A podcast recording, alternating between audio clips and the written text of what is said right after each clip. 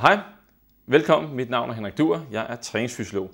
Dette foredrag, Kendte kredsløb, er for dig, som meget gerne vil vide mere om de bagvedliggende mekanismer, når vi taler kondition og konditionstræning.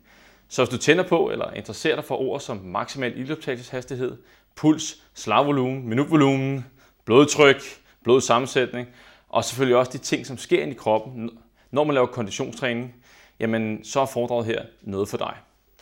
Når vi taler kredsløb, jamen så er det altså det kredsløb, som transporterer ting rundt i kroppen. Og øh, jeg vil kun koncentrere mig om iltens vej rundt i kroppen. Fordi kredsløbet transporterer også andre ting rundt, sådan som vores næringsstoffer, hormoner osv. Og når man ser på, hvordan kroppen frigør eller producerer energi, så har den to måder at gøre det på. Den ene er med ilt, den kalder vi sådan den aerobe metode, og den anden er så uden ilt, den anaerobe metode.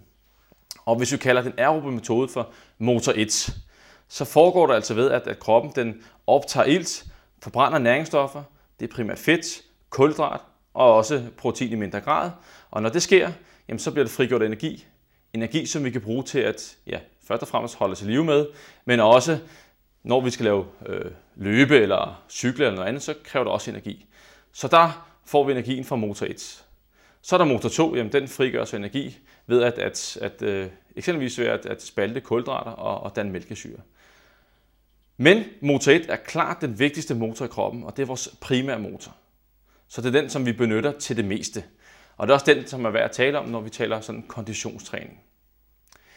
Men lad mig sige sådan, at, at øh, når vi taler motor 1, der er sådan en grænse for, hvor meget energi den kan levere. Og når det begynder at knibe med ildforsyningen og forbrændingen, jamen så bliver motor 2 slået til sådan stille og roligt.